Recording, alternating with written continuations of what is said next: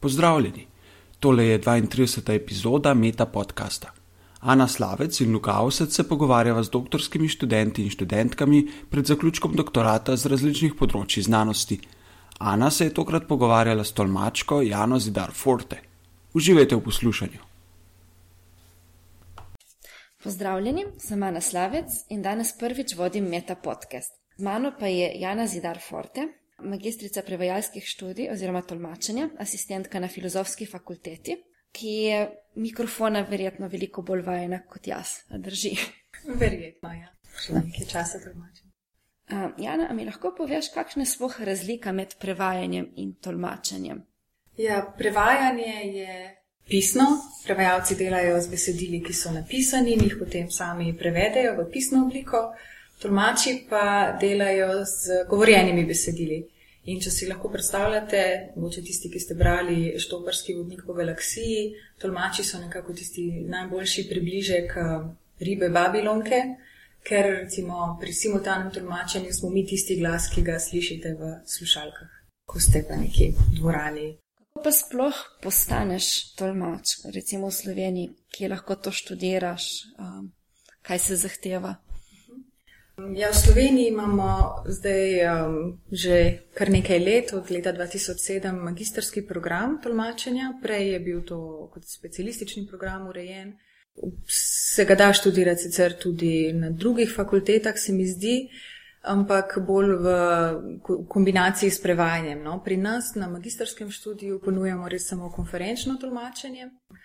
Kakšni so pogoji oziroma kaj potrebujejo študentje, ki želijo študirati tolmačenje, je najprej, seveda, morajo dobro poznati tuje jezike, vsaj dva tuja jezika, um, dobro morajo poznati materni jezik, morajo biti vešči um, uporabe jezikov, govorjene uporabe jezikov. In vešči nastopanja, vešči um, mogoče tudi obvladovanja treme in stresa, ker je to zelo pomembno. Hkrati pa nekako pričakujemo, da imajo dobro splošno razgledanost, da poznajo trenutno dogajanje po svetu, da so radovedni, da so delovni in mrljivi, ker je študij precej naporen. Uh mhm. -huh.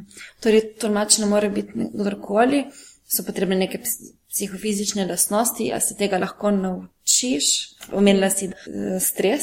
Ja. Um, ja, to je ena od kar pomembnih uh, osebnostnih lastnosti, ki po mojem se jo težko naučimo, oziroma je potrebno veliko vaje, mogoče meditacija, ne vem. Ampak zelo pomembno je, da tolmač zna dobro obvladovati stres, ker je vedno v nepričakovanih situacijah, oziroma tudi če so stvari dokaj jasne, se lahko v zadnjem hipu spremenijo in tolmač mora biti zelo odziven in ne sme pustiti, da ga ta stres nekako inhibira, oziroma da mu prepreči, da bi dobro upravil svoje delo. Um, poleg tega mislim, da je zelo pomembno, da je radovedeno, tako kot sem že rekla.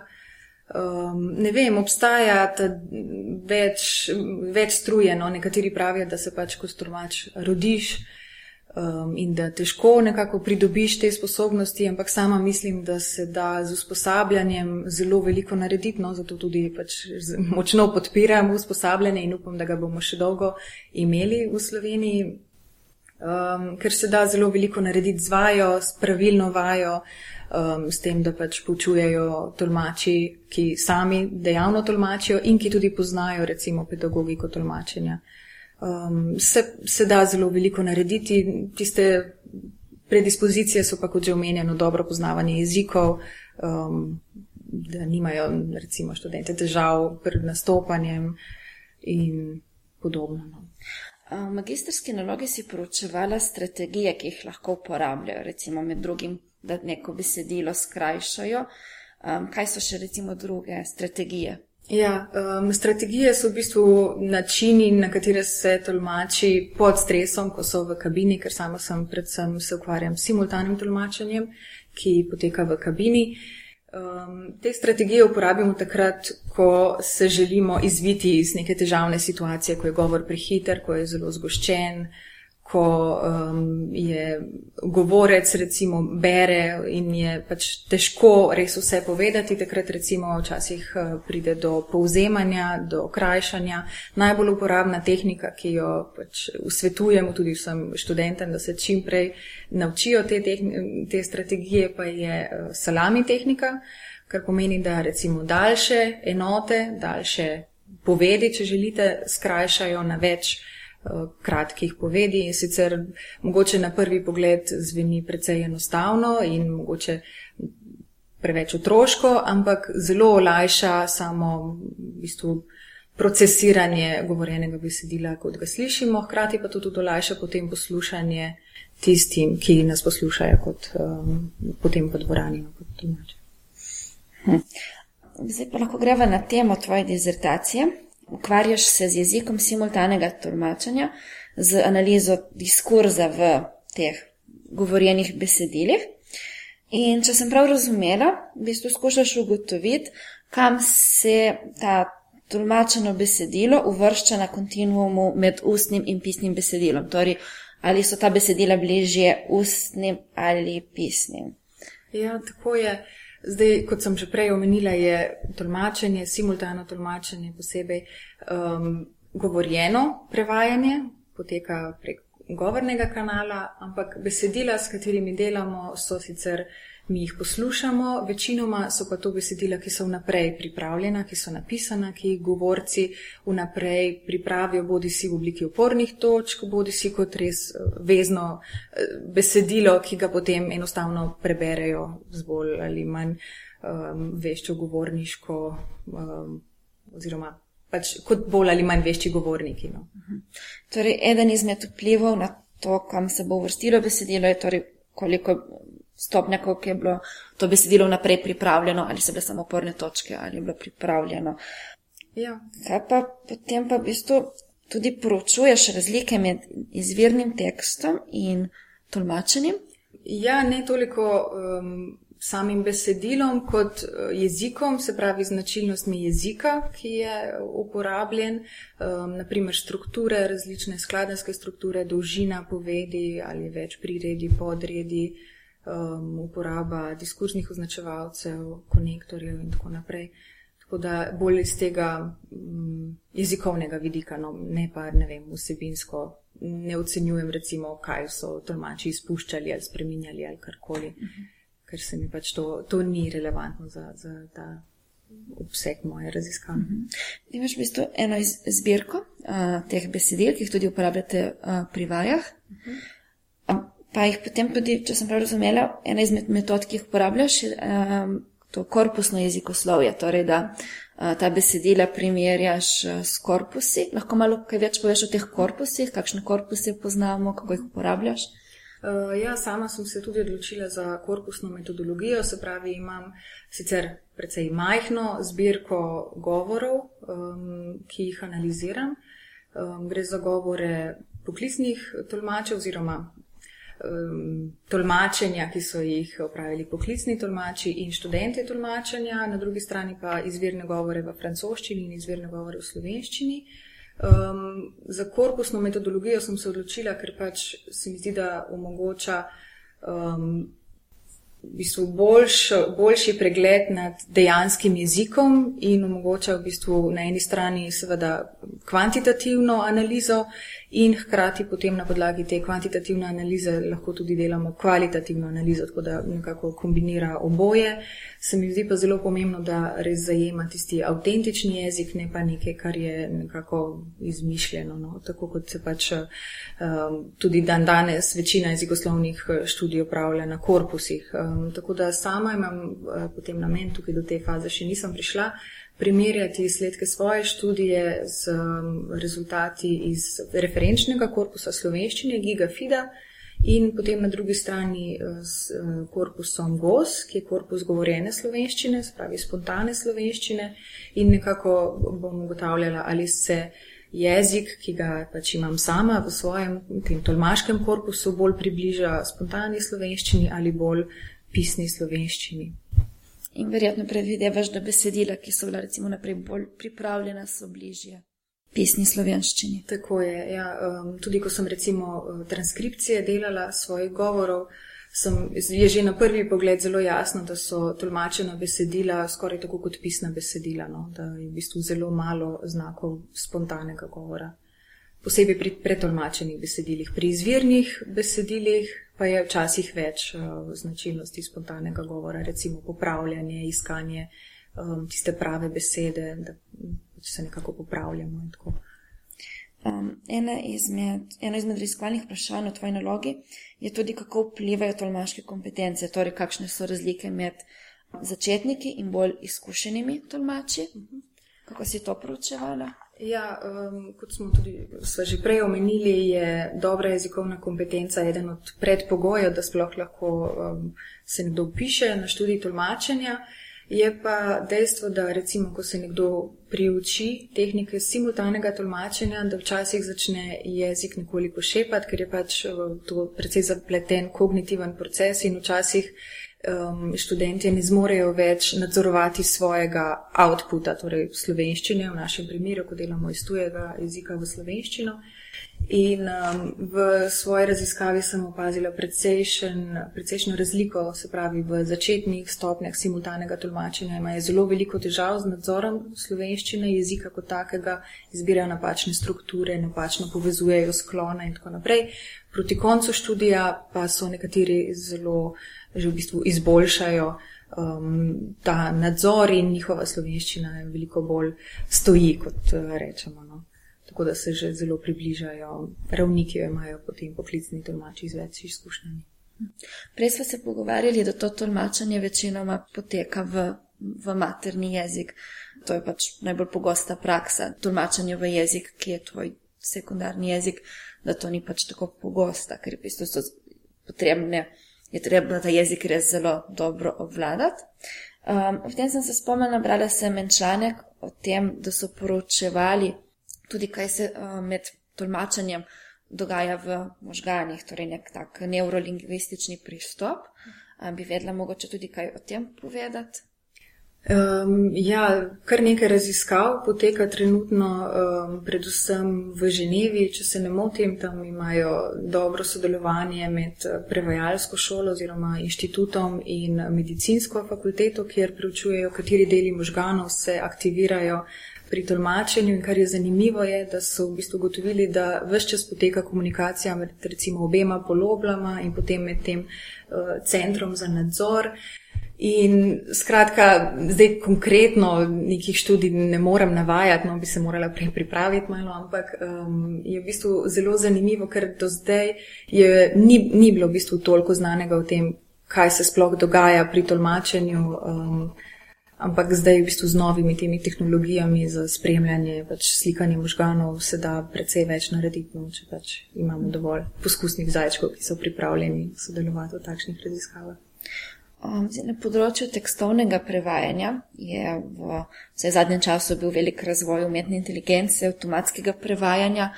Um, kako pa gledaš na, na ta razvoj na področju tolmačenja?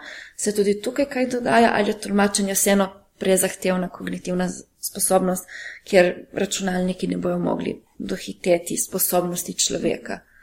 Ja, to je zanimivo področje, ki se mi zdi, da ga kot tolmači in kot raziskovalci še bolj uh, moramo spremljati, ker se zelo hitro razvija in se mi zdi, da pač nekako moramo spremljati in biti zraven, če ne pa če bo šlo vse mimo nas in v bistvu nam na škodo. No.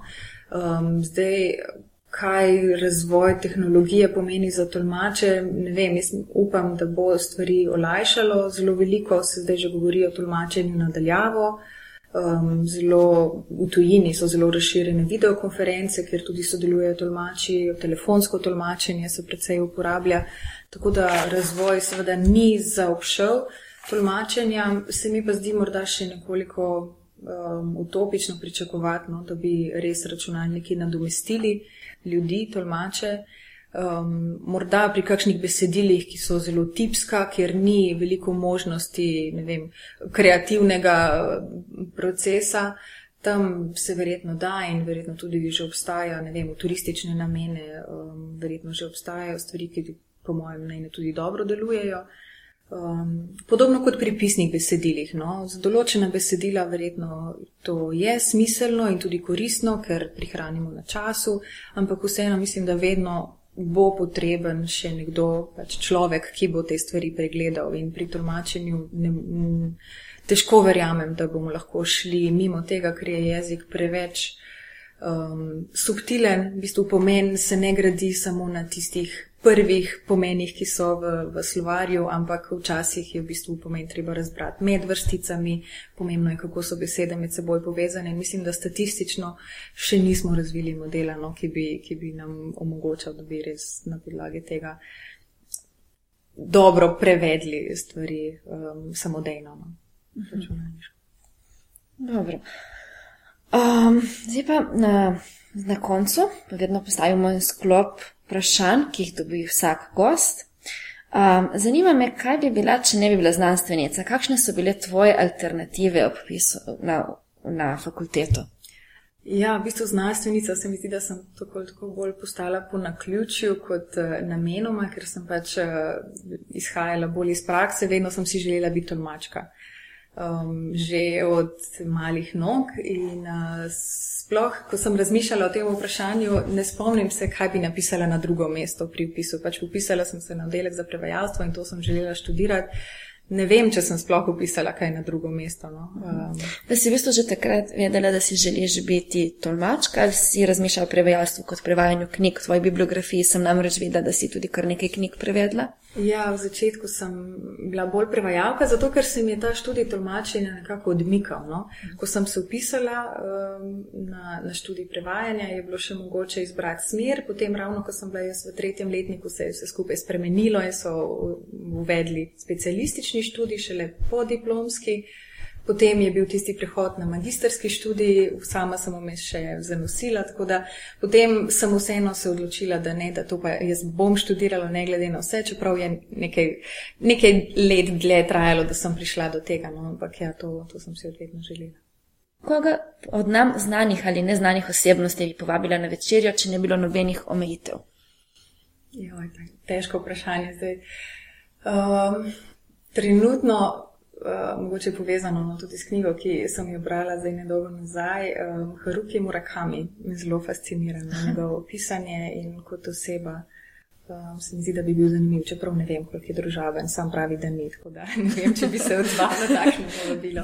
Brala sem v eni knjigi, da ima zelo. Um nima veliko družabnega življenja. Tako, ja, se za to dvomim. Ampak ker sama, ne vem, čeprav pač eh, kot stolmačka sem nekako vedno med ljudmi in komuniciram in sem strokovnjakinja za komunikacijo, se nimam zaravno najbolj komunikativno. No. No, mogoče bi se pa um, zato bolj ujela. Ja, Kaj pa znaš tudi japonsko? Ne, ne, ne še, čeprav. Um, Me kar zanima, no? v bistvu, da bi se naučila en tak jezik, ki ni indoevropski, ki ni tukaj nekje v bližini, ampak je to mogoče izziv za potem po. Sama si v bistvu na prevajalstvu študirala angliščino, francoščino, pa italijanščino. Ja, angliščino in francoščino. Angliščino, francoščino. Dobro, um, aha, zdaj pa je zelo zanimivo novo vprašanje. Če bi imela milijon evrov za poljubno raziskavo, kaj bi raziskovala? Ojej. Um, wow. um, no, ker uh, želim financirati svoje področje, bi verjetno se odločila za zelo velike korpusne uh, študije. Mogoče bi uporabila kar besedila, ki so vem, prosto dostopne, recimo v Evropskem parlamentu ali kaj podobnega.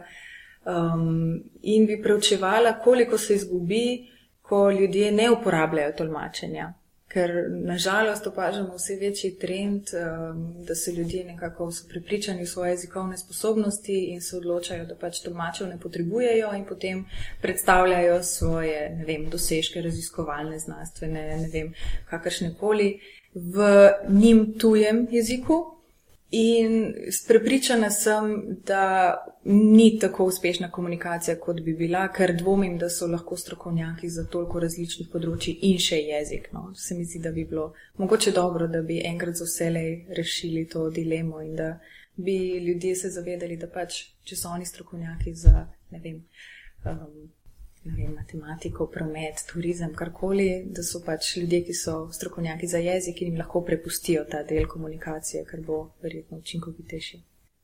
Kje se vidiš čez pet let in kje čez 40 let? Čez pet let, um, no, upam, da bom imela že doktorat v žepu in da bom morda še naprej sodelovala tudi pri usposabljanju tolmačev, ker mi je nekako to precej zanimivo in viziv. Čez 40 let, Hm. čez 40 let upam, da bom nekje ob morju, v kakšni majhni hiški z velikim vrtom. Ja, na miru nekje. Imaš kakšno priporočilo za knjigo, igro, film, spletno stran, podcast? Um, no, kot sem prej že omenila, sem nedavno brala Harukija Murakamija, kaj, o čem uh, razmišljam, ko tečem, oziroma ne vem točno, kako je naslov v slovenščini, um, ki me je zelo prevzela, no, mogoče zato, ker sem se sama pred kratkim bolj resno lotila teka. Um, zdaj film, ki sem ga tudi nedavno videla, um, Selfless, mi zdi zanimiv. Kaj pa vem, v gledališču že dolgo nisem bila, mogoče posledica preveč natrpanega družinskega življenja. Um, je podcaste pa sigurno uh, meta podcast, ne spletna stran pametne liste, ali pa morda tudi tvoj blog, eh, pišeš tudi blog. Ja, oh, ne vem, če bi ga ravno priporočila, ker zadnje čase zaradi vseh obveznosti bolj neredno pišem, ampak uh, imam pač nekje v načrtu, oziroma um, upam, da ga bom uspela bolj spraviti v življenju, ker se mi zdi pomembno, da osveščam naprej. Veliko ljudi še vedno ne pozna razlike med tolmačenjem in prevajanjem, veliko ljudi ne ve, kaj lahko pričakuje od tolmača, kaj ne, kako sodelovati s tolmačem tolmači. Tako da nekako s tem namenom sem začela pisati no, blog, uh, potem pa zaradi vseh obveznosti nekoliko uh, zdaj na stranskem tiru, ampak upam, da ga bom uspela uživati. No, zdaj sem pa ravno pri vprašanju, um, s čim se zamotiš in kakšne izgovore si izmišljuješ, ko zavlačuješ ali odlašaš pri stvarih, ki jih moraš narediti, ko recimo pač na mesto pisanja doktorata, na mesto članka, torej prokrastinacija, kaj počneš? Oh, ja, um, No, moj prvi izgovor so vedno ponavadi otroci, ne, ne izgovor, ampak dejansko veliko časa porabim za to, da sploh zdaj septembra usklajujem vse obveznosti, ki jih imamo zdaj na novo, in krožke in različne dejavnosti. Um, če delam doma, seveda je nujno potrebno obesiti perilo, zložiti posodo iz stroja in se mi zdi, da če ne bom tega zdaj naredila, tega ne bom nikoli in me pač ta nered moti. Uh, ne vem, vedno se najde kaj zanimivega, no? kaj za prebrati, kakšen članek, um, ki ga potem seveda bereš in potem bereš še kaj drugega, kar je povezano s tem in ure hitro minemo. Kaj bi ti pa lahko v tem trenutku izboljšalo kakovost življenja? Hmm. Jaz ne vem, najbolj bi bila vesela, če otroci ne bi zboleli, vsaj še štiri mesece, zato da dokončam doktorat. Um, mislim, da bi to kar dobro vplivalo no, na moje eh, življenje, nasploh in na moje počutje. Ampak uh, drugače pa mislim, da imam že kar dobro kakovostno, tako da ne vem, če bi ga res bistveno spremenila. Jana, hvala za pogovor. Ja, hvala za povabilo. Poslušali ste Meta podcast, ki ga pripravljava Ana Slavec in Luka Avsec. Pogovarjava se z doktorskimi študenti in študentkami pred zaključkom doktorata z različnih področji znanosti. Meta podcast domuje na spletišču metina.si, v drugi sezoni pa sodelujemo tudi z Društvom mladih raziskovalcev Slovenije. Pohvale, pripombe, pa tudi predloge za bodoče goste nam lahko posredujete na znanost afnametina.si, lahko nas poiščete na Facebook profilu Metine liste ali pa na Twitterju, kjer čivkava kot @aslavec in @inlife. Naslednja epizoda v četrtek čez 14 dni.